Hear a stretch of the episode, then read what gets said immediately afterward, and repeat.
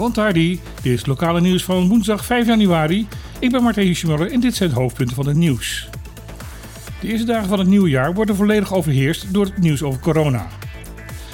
De nieuwe besmetting op de zes Caribische eilanden vliegen de pannen uit en daarom een overzicht hoe het op elk eiland gesteld is.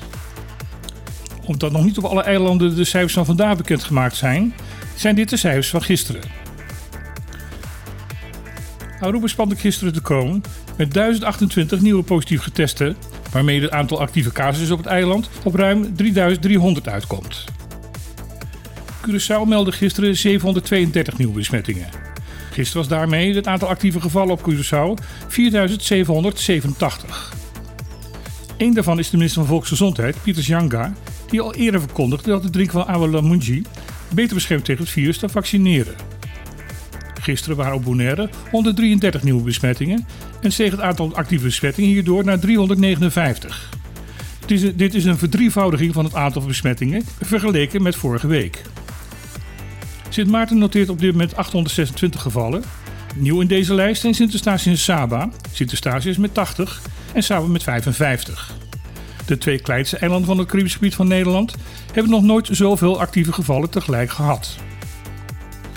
Opvallend erbij is dat op alle eilanden het aantal ziekenhuisopnames veel kleiner is dan bij vorige uitbraken.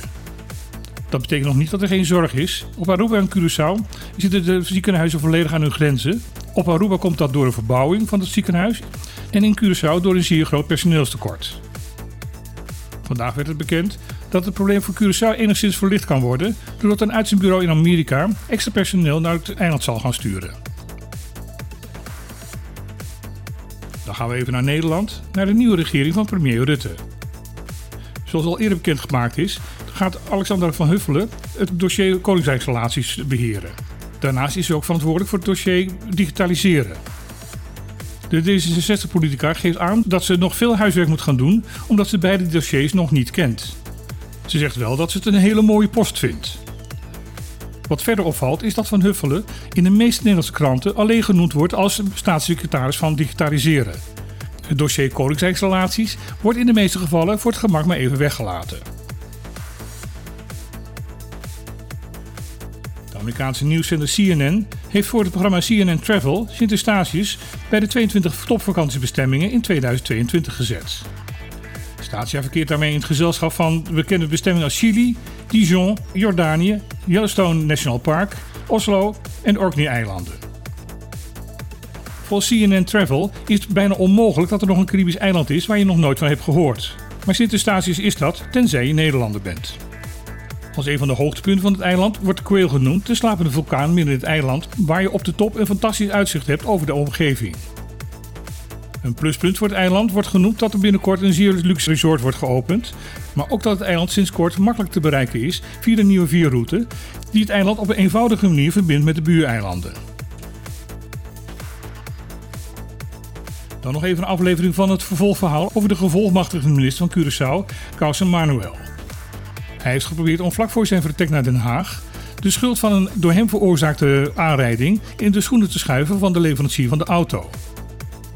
In september 2020 kocht Manuel, toen nog muziekleraar, een auto van het Chinese merk MG. Enkele weken later knalde hij met zijn gloednieuwe auto achter op een voorligger. Hij beweert nu dat de remmen van de auto niet goed gefunctioneerd zouden hebben en dat dat de reden van de aanrijding is geweest. Manuel eiste daarom dat de dealer van de auto de auto zou terugnemen. Die heeft dat geweigerd. Als reactie erop is Manuel naar de rechter gestapt om de aankoop met terugwerkende kracht ongedaan te maken. De rechter heeft hem daarbij in het ongelijk gesteld en hem veroordeeld tot het betalen van de proceskosten. Manuel kan vorige maand al in opspraak omdat hij vier familieleden en vrienden een riant betaalde baan in het Curaçao-huis had bezorgd. Uiteindelijk werden deze aanstellingen weer teruggedraaid toen het uitlekte dat het ministerie van Bestuur, Planning en Dienstverlening een negatief advies had uitgebracht over deze aanstellingen. Dan tot slot de weersverwachting. Het is vandaag licht tot half bewolkt met een kans op een lokale bui van korte duur. De verwachte maximale temperatuur overdag zal 39 graden zijn. In de avond zal het terugzakken naar 25 graden. De wind is matig en komt zoals gebruikelijk vanuit het oosten. De vooruitzichten voor de rest van de week.